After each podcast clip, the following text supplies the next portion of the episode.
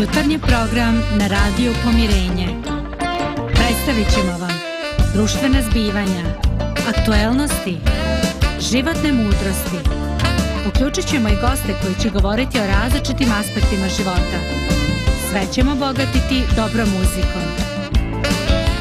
Sve to samo za vas. Jutarnji program. Jutarnji program.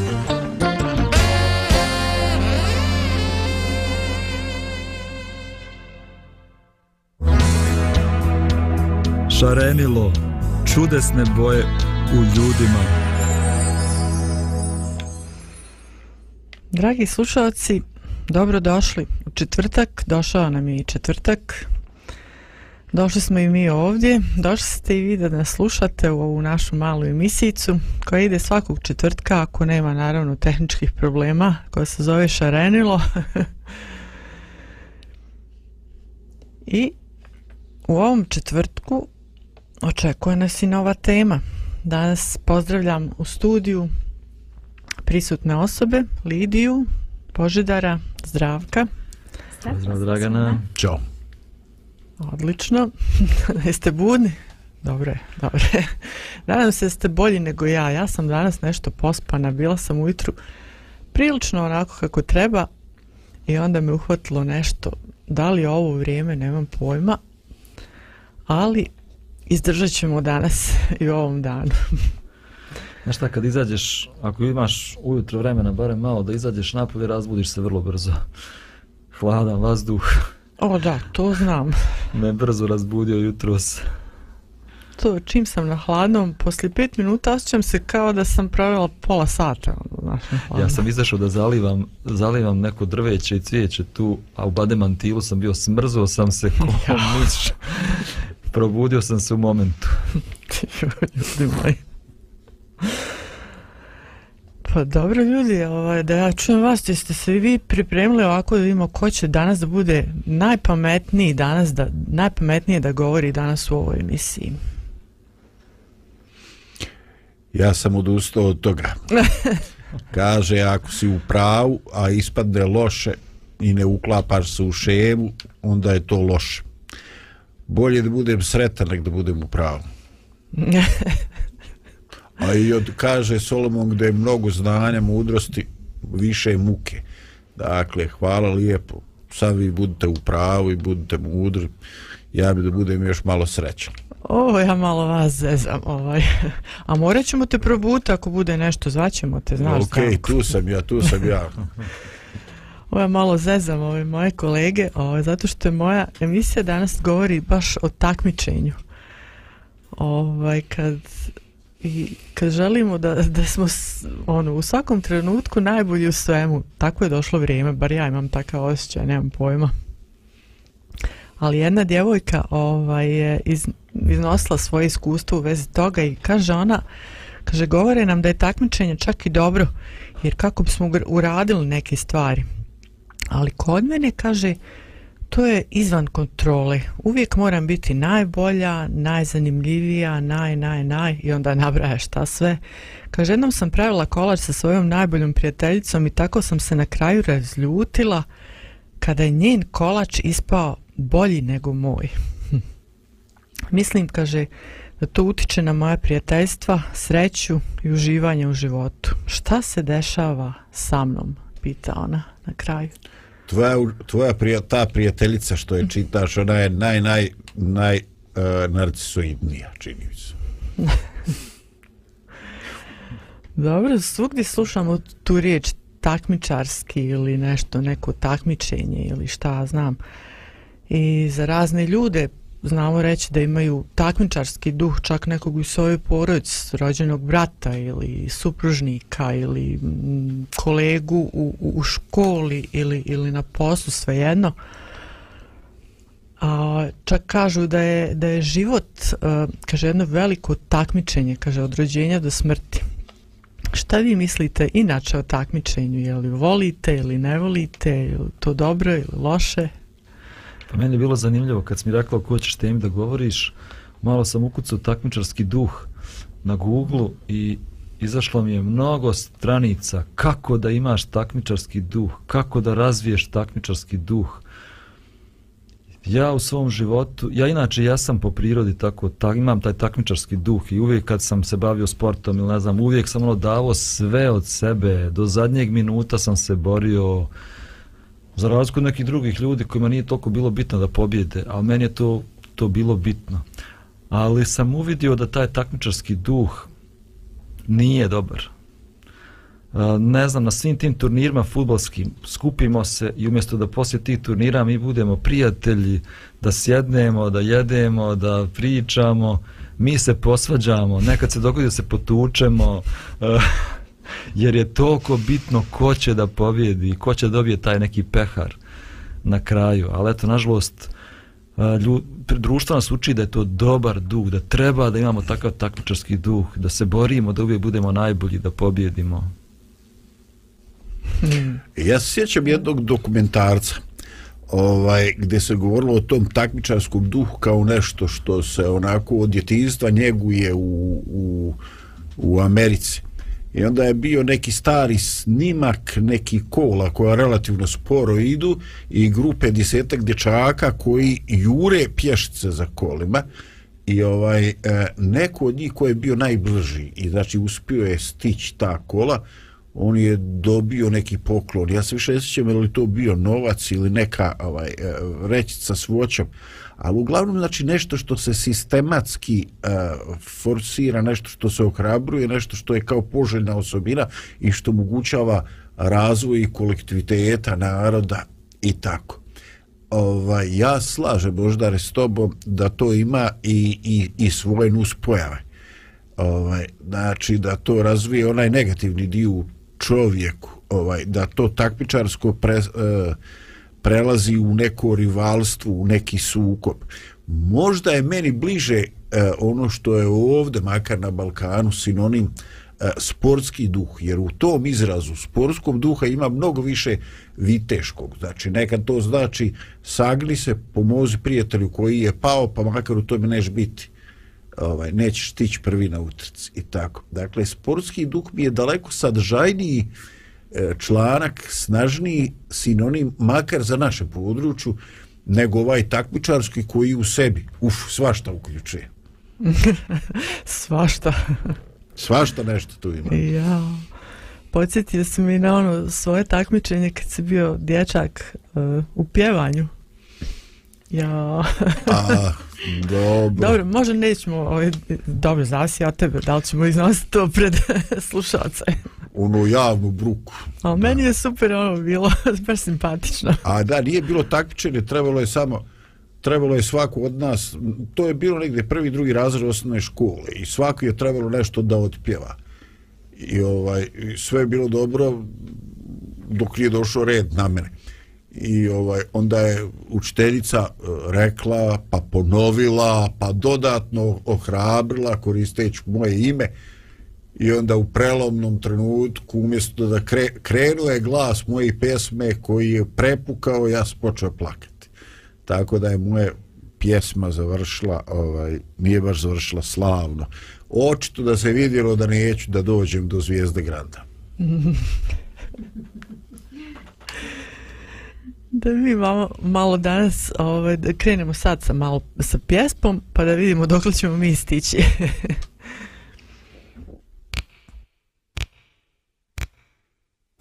Radio, Radio,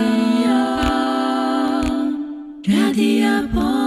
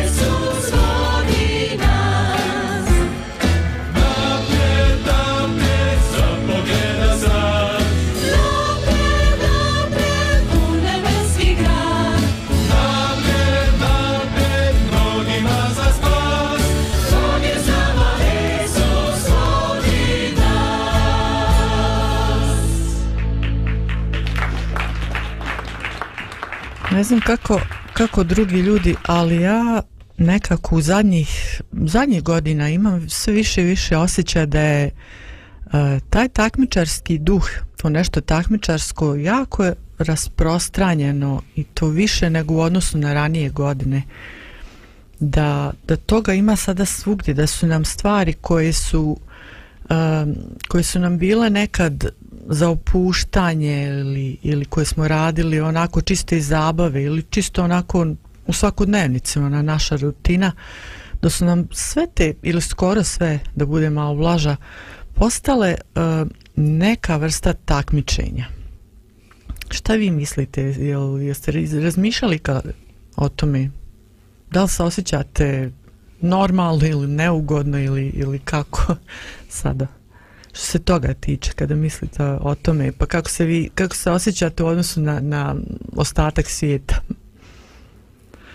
pa ja se osjećam ja se osjećam jako loše zato što to vidim u sebi nekad je to bilo mnogo više izraženo kod mene taj takmičarski druh dok sam bio student ne znam, jer svi smo kao bili prijatelji, ali tako postoji neki taj snažan takmičarski duh da smo mi onako ne samo da se trudili da mi budemo najbolji nego smo se i perfidno trudili da onaj drugi ne bude tako dobar kao ja ovaj, i to to mi je bilo baš loše i borio sam se u život protiv toga ali nekako taj duh uvijek ta takmičarski duh uvijek pokaže svoju prirodu evo ne znam nisam nikad ni rekao ali evo mi snimamo snimamo također emisije u studiju Reset uh, I nekako meni uvijek, uvijek gledam koliko ja dobijam lajkova, onda to upoređujem sa ostalim kolegama koji snimaju, evo i Zdravko i Lidija su tu. Eto, to je nekako ružno, nešto, nešto protiv čega stvarno želim da se borim, nešto što ne želim da, da vidim u sebi, ali nekako to uvijek iz, iz, izroni svoju glavu. Ali to nije samo takmičarski duh, iza toga se krije, ne znam, ponos, oholost, zavist, ko zna kakve ružne osobine. Mm Da. Vidiš, Božo, ovaj, ovaj narod je davno rekao, ko prizna, oprosti mu se pola. Nažalost, ima onaj drugi nastava, kaže, a za onu pola prebiju ga ko vola. Dakle, ovaj, eh, ja nisam siguran da će to uvijek, da to uvijek prođe, ta iskrenost. Ja lično je jako cijenim. Eh, vjerujem da svi mi imamo dijelove, dijelove toga. Ovaj, evo, ovaj, iskreno kod mene je to se ovako baš baš promijenilo ali ne znam je li se promijenilo na bolje dakle e, ja sam izgubio želju da se takpičim ali se bojim da to ne ode u onu drugu stranu da mi smanji motivaciju Apatija. da radim ovaj, da, da to e, nije duhovni rast nego neka kako kaže draga neki vrsta apatije neka želja da, da proizvedeš nešto ovaj kvalitetno ovaj i priznajem također neke stvari eh, neke stvari uh, poredim ovaj ne samo između ljudi ovaj nego razne te odnose i pokušavam ovaj pokušavam shvatiti i dalje ne mogu do kraja shvatiti ovaj zašto zašto neki video ima ovaj 200 i nešto pregleda a zašto drugi ima 3020 ili 40.000 mislim to su neke cifre koje su ovaj stvarno ovaj teško teško shvatljive čak i kad se radi ovaj promocija no ovaj e, ovo što ti pričaš je ovaj još čini mi se drevna pras, praksa asketa e, kaže zagledaj se u svoje srce i onda nevjerovatna izjava kaže onda ćeš vidjeti guju koja se gnijesti ovaj, to su još stari monasi prisali, ovaj, jer svako to zagledavanje u sebe, pogotovo kad čovjek kao ti ima sposobnost da u tome javno kaže, ovaj, dovodi do nekih baš onako bolnih zaključaka. I ovaj, malo ljudi je ne samo spreman da govori o tome, nego malo ljudi je spreman ušte i da se zagleda u sebe, jer ljudi uglavnom ne žele vidjeti istine koje su bolne. Bolne za naš ego. Ja sad sam se sjetila ovaj svoje ono, onog tinejdžerskog doba kad sam ja željela eto da budem najpametnija ne samo u razredu nego gdje god se pojavim znači što se tiče tog, te intelektualne strane tu sam ja morala da budem najpametnija ili bar među prvima eto tako ono u najboljim slučaju ali što godine više prolaze to je sve više se onako hvala Bogu smirivalo ovaj i jeste da takmičenje može da potakne na neke dobre stvari ali zavisi i kakva ti je motivacija i sve to ali, ali ovaj, i kako godine prolaze i sad pogotovo zadnjih kad, kad uđeš u 40. znaš još se više smiriš nekako što se tiče tog takmičenja ili neki drugi tako stvari A, ovaj, i onda gledam kad sam gledala uh, tako po internetu ili tako kad se vidim po TV-u kakva sve takmičenja postoje, čovjek prvo u prvim sekundama počne ono ah jao, sa visine da gleda jao, šta vi rade, onda se sjeti pa čekaj, ja to možda i sad radim ili sam bar nekad radio uh, ono kad viš recimo takmičenje u ne znam pravljenju hrane pa onda u, u žderanju moram reći žderanju hrane Jedin ko će više da kao pa da svejedno ili ko će imati više svojih ličnih fotografija nema onih umjetnički nego ono iz svog ličnog života ili ko će se bolje našminkati ko će ne znam kad izađeš pa onda ko će prije osvojiti tu neku drugu osobu znaš i onda kad osvojiš poslije, ne znam, sad, dva priče, ovo ono, onda nije et, ono, samo pokažeš društvu, evo, Aha. ja sam uspio ili uspjela to, i ostaviš to se mi ovako gleda, otvorim oči, šta se dešava, što me ostavi? Ti si samo bio ili bila ono predmet takmičenja i zdravo. e, ljudi, ja imam problem jedan dok vas slušam. Kaže. Sjećam se Gandija i njegove izjave, kaže Hrist, da, hrišćani, hm, to mu je već problematično. Ovaj, e, bio sam u prilici e, čitajući svašta u životu, a neka sam stvarno čitao svašta i šta treba i šta ne treba, ovaj, često sam sretao o, kod učitelja borlačkih vještina da oni ne prave samo od svoga tijela jedan stroj koji automatski uh, reaguje na neku opasnost koju automatizovano brani se od, od udarca ili upućuje udarac u najkraćem mogućem neuro, nego da je sastavni dio onoga što su učitelji učili, učitelji e, borlački vještina, ti orijentalni učili svoje učenike, je upravo to što se tiče njihove ličnosti, kontrole njihovog bića, kontrole bola, kontrole bijesa, kontrole svakoga impulsa koji je potencijalno destruktivan. I, ovaj, I onda sad gledam uh, to učenje tih ljudi, nehrišćanskih naroda, i onda ovaj gledam uh, šta se dešava među ovim narodima koji se diče nekom svojom hrišćanskom tradicijom, a pa čoveče, bojim se da je to među nama ovaj manje zastupljeno, pogotovo među ovim uh, zapadnim protestantskim zemljama, ovaj, da je ta pobjeda sebe samoga uh, da mi nismo tu ništa napredniji od nekih nehrišćanskih naroda dalekog istoka. Da su oni to nekim sasvim drugim povodom i razlogom došli do tih suštinskih e, suštinskih pouka da se ti zaista vitez i gospodar ako, a, ako se kontrolišeš, ako kontrolišeš svoje porive, ako se ne svetiš, ako, ako vraćaš koliko je neophodno da bi zustavio protivnika, ne da mu odvališ bubrega kada ono već legne na trgu, na zemlju. Mislim, tako neke stvari me ovaj, e, čude me e, nekada što je zapadu bilo svojstvo viteški duh ovaj, e, šta mislite ima li toga još mislim, ne mislim samo na viteški duh da se princeza zaposli nego inače neki oblik viteštva kao nečega što bi, što bi bio neki duhovni elitizam ima li još viteštva ovaj, Dragana, Dragana Lidija vi ste ženski svijet ima li viteškog duha Rijetko. Rijetko. Nije baš nestao, ali moram reći rijetko. Više se pokazuje onaj drugi duh, nažalost. Svakog dana. Hm, mogu kažem, nije to samo danas.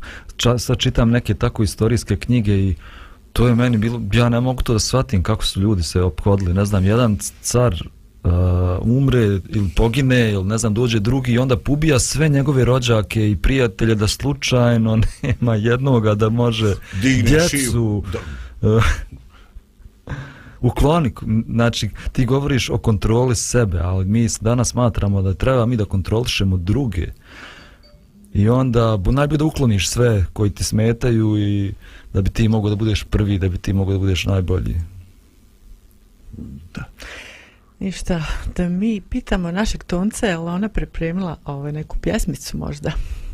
Ovo ode Pošto predalo, smo krenuli, da. smo, može, krenuli može. smo u razne pravce i smjerove, pa da, da malo predahnemo. Naravno, naravno, ide pesma. Super. Super.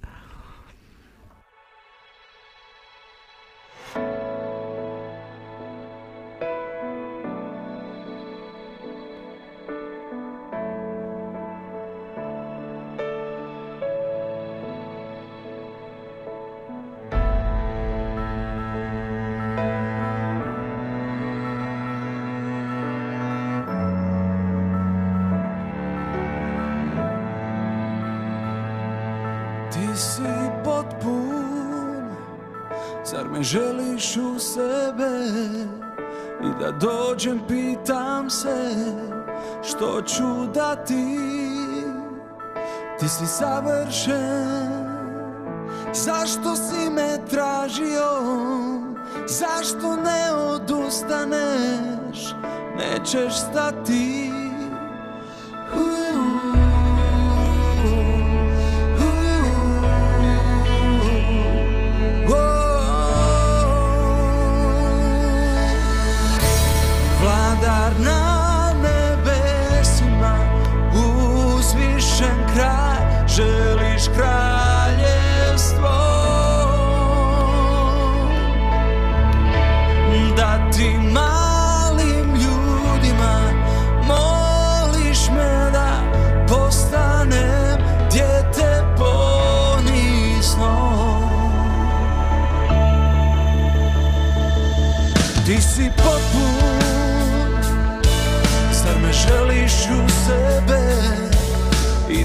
prođem pitam se što ću da ti ti si završen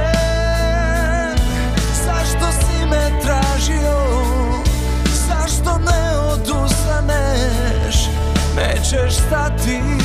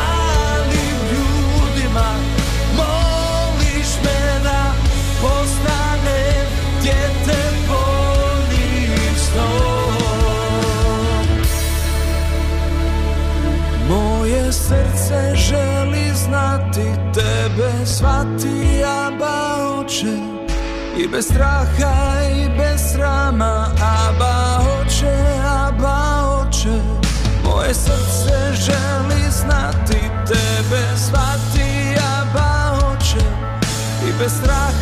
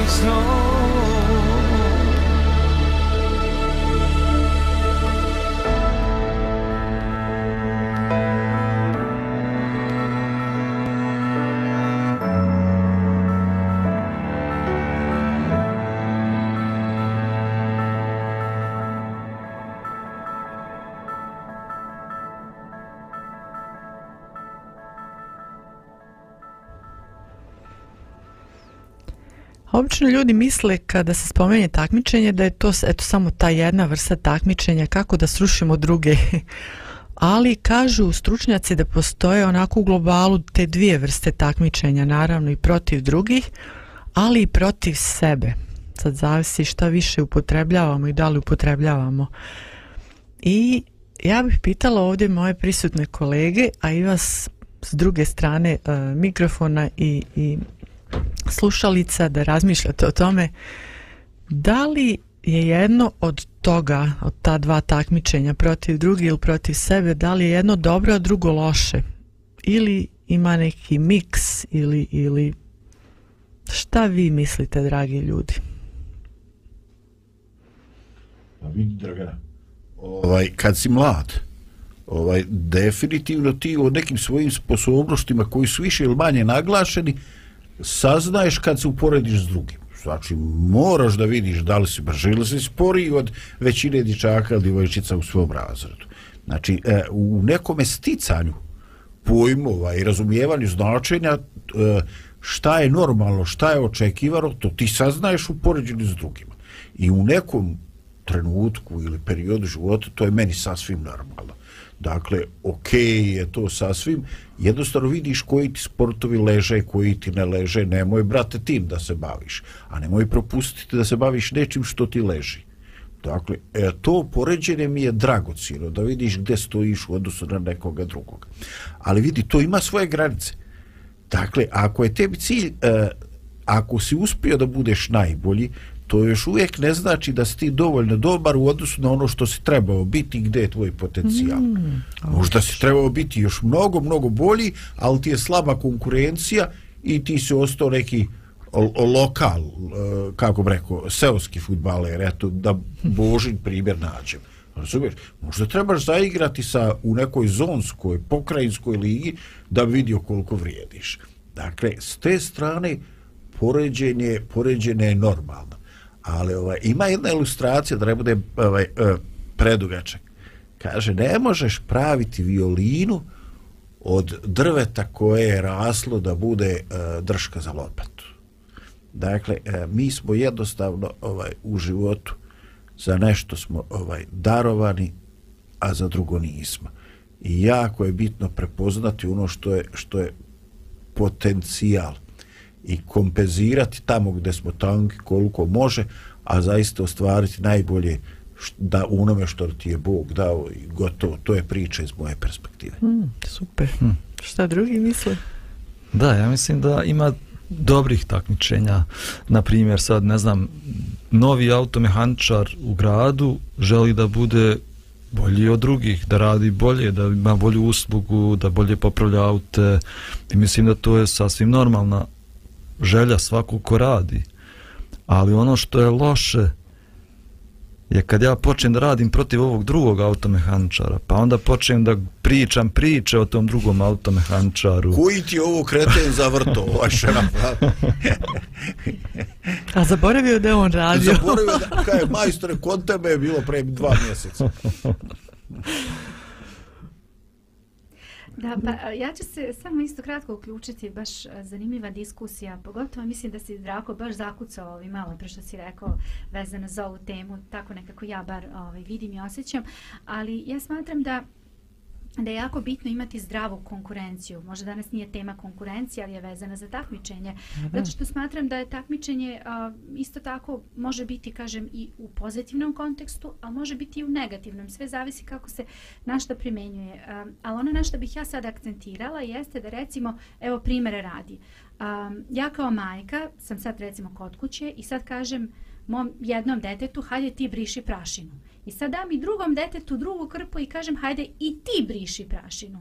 Znači tu sad postoji mogućnost da dođe do nekog rivalstva. Sad ko će to bolje da uradi, ko će, koga će mama da pohvali da je uradio to bolje. Ali recimo ako bih jednom detetu dala da briše prašinu, a drugom detetu dam da usisava, onda će se oni boriti i takmičiti da budu što bolje u tome što im je kao zadatak. Tako da u tom smislu takmičenje može da bude pozitivno i mislim da i mi trebamo razmišljati um, o tome recimo kada kada mi ako smo u situaciji u prilici da recimo ne, nekima a, kolegama ili recimo ako smo poslodavci ili recimo kod kuće ako radimo znači uvijek trebamo to imati na umu ako nekome damo da nešto radi da a, gledamo da to bude neka zdrava konkurencija u tom smislu da da pomognemo ljudima da budu bolji u tome što rade a ne da um, povređujemo jedne druge uh, sa tim što ćemo se takmičiti i uh, smatrate smo mi možda bolji i pametniji od nekih. Mm. Zahvaljuj Bogu za svoju djecu.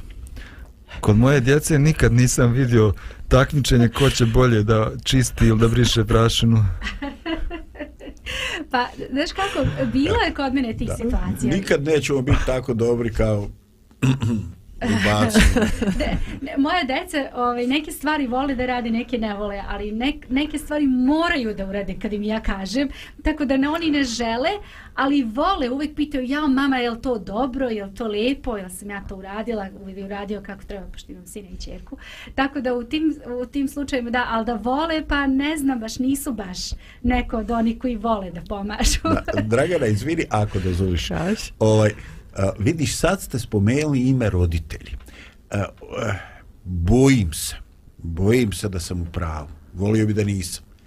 E, te negativne stvari koje nalazimo u takmičenju. Dakle, e, kad se čovjek ne bori da on bude bolji, da neku aktivnost u svom životu podigne na veći stupanj, nego jednostavno kad je on preoptrećen tim poređajem s drugim, frustrira ga tuđi uspjeh, ne raduje mu se, doživlja ga kao traumu čini mi se da u životu biva da a, te bolesne ideje reći slobodno djeca preuzmu upravo od roditelja da roditelji a, slušaju te izraze eto komšije uradle, kupile auto, ota, od, odakle im, jesu li se nakrali ovo i ona.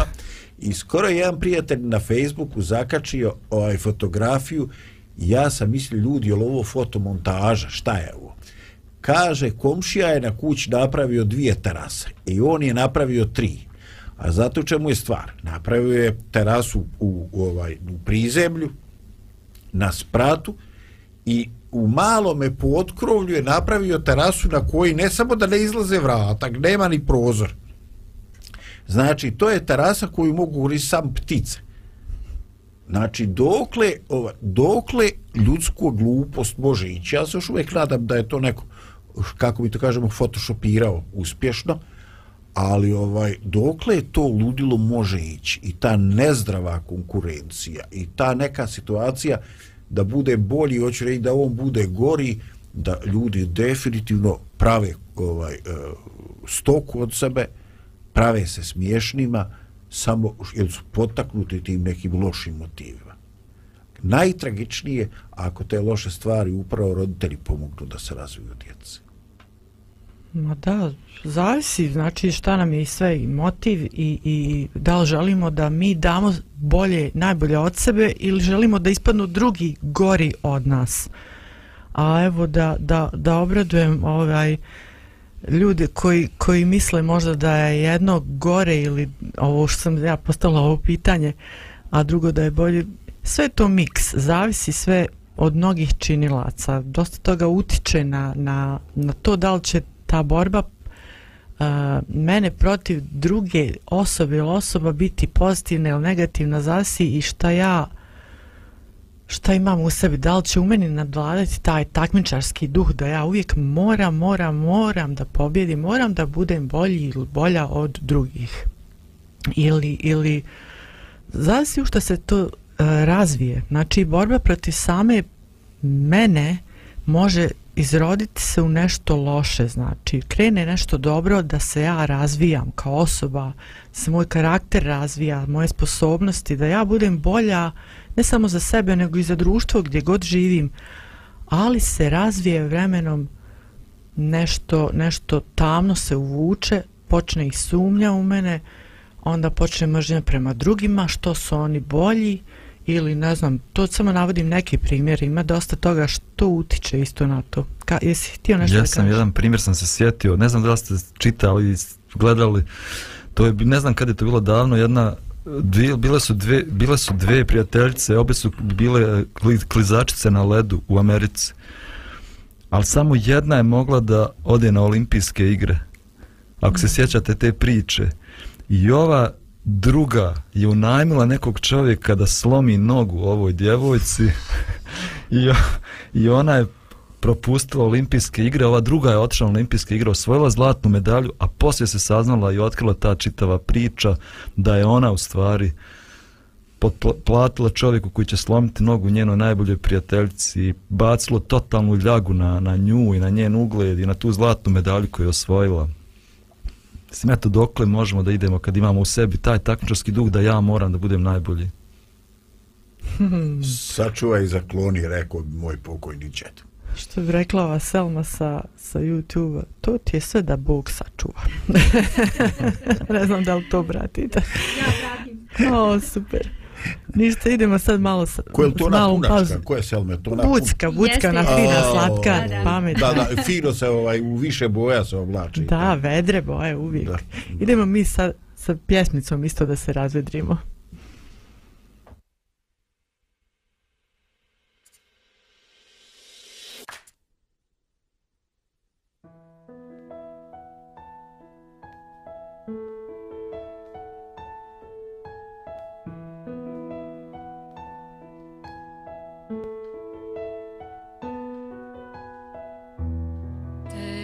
the light.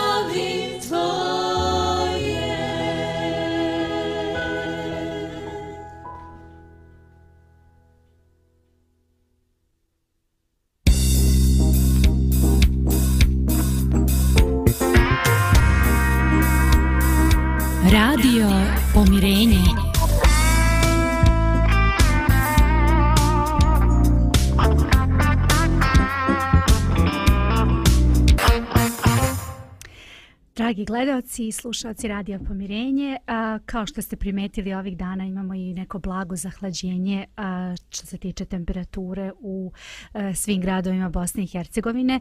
Recimo trenutna temperatura u Banja Luci je 3 stepena, znači blizu 4 stepena. A e, što se tiče prognoze za danas, e, nema najava za e, nekim većim snegom, ali sutra uveče, znači u noći između petka i subote očekuje se snijeg, tako da vi koji volite planinu, sportove, ako volite snijeg, a nalazite se možda na malo višim delovima, um, recimo na nekoj planini ili nekom brdu možete i očekivati možda sneg. Mi u nižim krajevima, kao recimo mi ovdje u Banja Luci, ćemo vjerovatno morati da čekamo neko bolje vreme za sneg. Dragana? Hvala Lidi na informacijama. A mi sada prelazimo, dosta smo pričali jel, o problemima, jel tako? Ali, da li ste još uvijek tu budni da, da mi kažete šta vi mislite o rješenjima ovog problema? Znači, kad imamo taj takmičarski duh, šta biste vi uh, e, dal kad primijetite kod sebe ili kod drugog, šta biste vi, koje biste korake preduzeli prvo? Ne prvo, nego šta biste to radili? Kako biste riješili ili pokušali riješiti taj problem?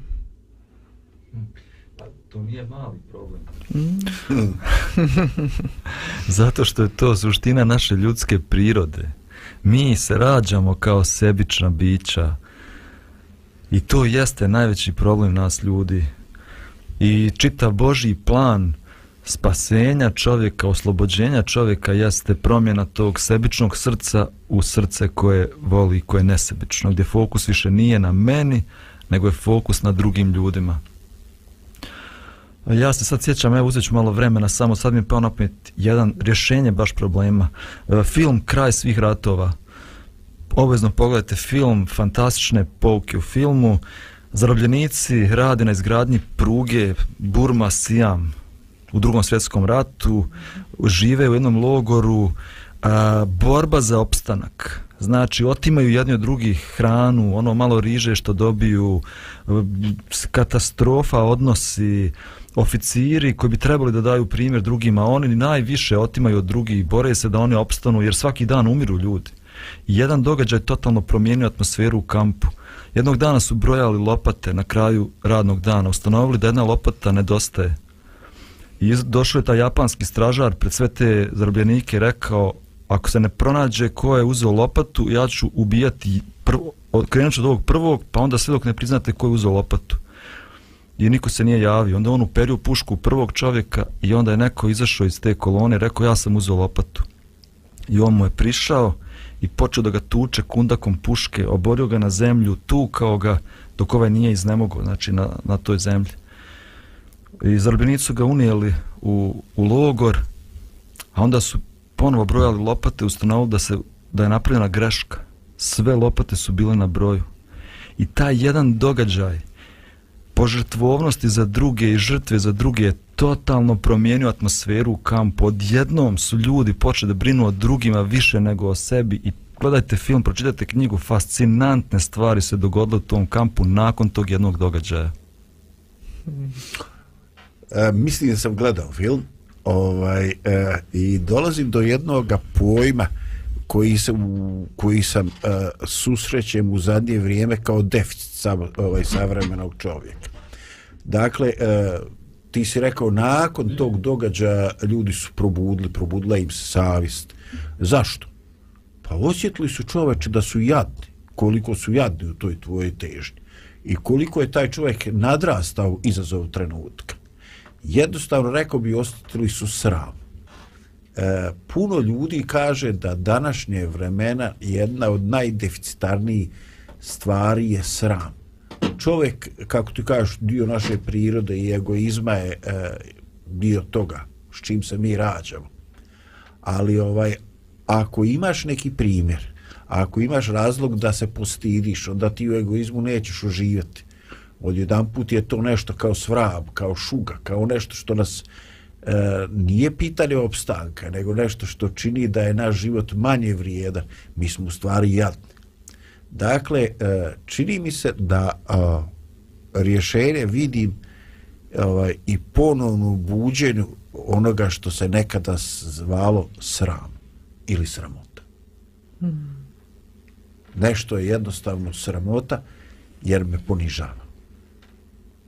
Mm, super, super. Da, ja to osjećam i u svom životu, je baš to sram. Sad, ka, pričao sam o nekim lošim stvarima koje ja vidim u svom karakteru i onda stvarno se stidim samog sebe kad to vidim. Ne znam ni zašto se to pojavi, ali osjećam stvarno stid i sram zbog toga. Ali evo mogu da kažem sad, evo, još ove godine ulazim u 50. godinu. Ja sam uvijek u životu stvarao, radio, sad sam nekako došao u situaciju da me Bog osvjedočava, da ulazim u neko vrijeme života kad ne trebam ja toliko više da, da stvaram i da radim, nego ja trebam više da pomognem drugima da oni stvaraju i da se fokusiram na uspjeh drugih ljudi i da budem više mentor nego neko ko, ko radi i ko sam želi da stvori nešto. Tako da, eto, nekako Bog me osvjedočava svakog dana da to neka moja uloga u ovim sad poznim godinama života. Ojde, poznim. da. Šta vidite? Pa ja ću samo reći jedno. Um, ja slušam recimo Božu sve vreme što govori. On vjerovatno toj svoje perspektive govori zato što ti Božu imaš tu a, tu crtu, znači tog takmičarskog duha i vidiš možda negativne stvari a, iz tvoje perspektive. A ja ću reći iz moje perspektive, a, pošto ja baš nemam tog takmičarskog duha u sebi. Znači, kod mene to neko treba da probudi, da bih ja sad, ne znam, baš ovaj osjetila. Nemam toga u sebi, I um, ja vidim slabe tačke toga u smislu da uh, ponekad umjesto da se borim za nešto, da nešto osvojim u smislu onih čak i, i tih pozitivnih stvari kada govorimo, znači um, nekako sve jedno mi je. Ok, nije, uh, nije da ja nemam ni malo tog takmičarskog duha, ali je toliko slabi, toliko mali, da prosto nekako ovaj, uvek moram ja da probuđujem u sebi da, da ovaj, da se trudim da, da onako baš um, dam sve od sebe kada su te neke stvari u pitanju, kada je u pitanju ta, takmičarski duh. Ja sam ri, više recimo ličnost neko ko voli daj mi zadatak, ja ću tu raditi najbolje što mogu, u tome sam. Znači to je moje, ja ću maksimum da dam od sebe da to. Ali ako recimo imam uh, još nekoga ko, um, kako bih rekla, uh, ko može da mi bude po znacima navoda konkurencija, ja se uvek nekako povlačim, prirodno se povlačim i dajem više nekako toj osobi da ona, da ona tu gura. Tako da ja smatram da nekako trebamo da radimo na sebi, da prepoznamo ono š, i, i dobre uh, strane, znači onoga što, što imamo prirodno u sebi, ali i loše strane i onda da radimo na tome, jer nekako moramo postići uspeha, ne samo da se uvek povlačimo i da uvek puštamo nekome drugome da, da gura napred. Wow, pa ljudi, pa vi ste čovječe, pa ja vas pitam ko ovaj će najpametnije da... O, svi ste najpametniji čovječe, nema tu. Ajmo sad malo dopijamo pa se vraćamo nazad.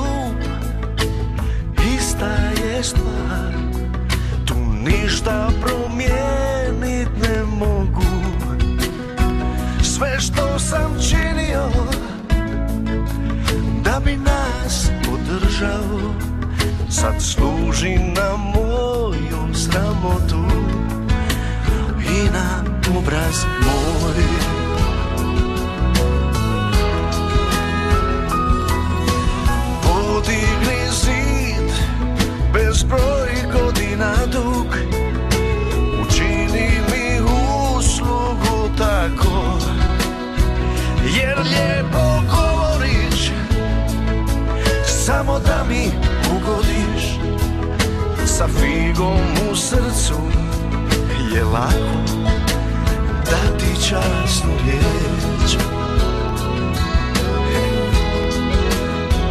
Ako te pokušam sačuvati,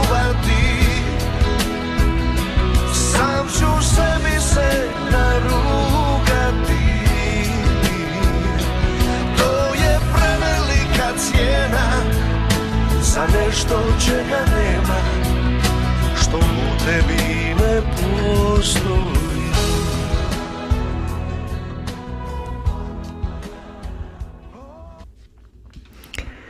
Dragi naši, stigli smo evo do, do zadnjih kraja emisije.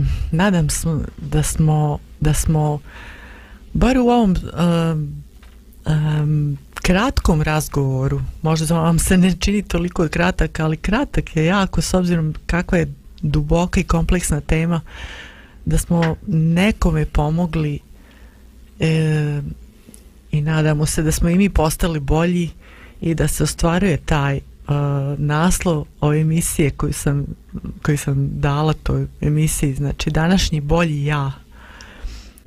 To takmičenje protiv sebe samoga da ja budem bolji nego što sam ranije bio, ali iz dobrih motiva.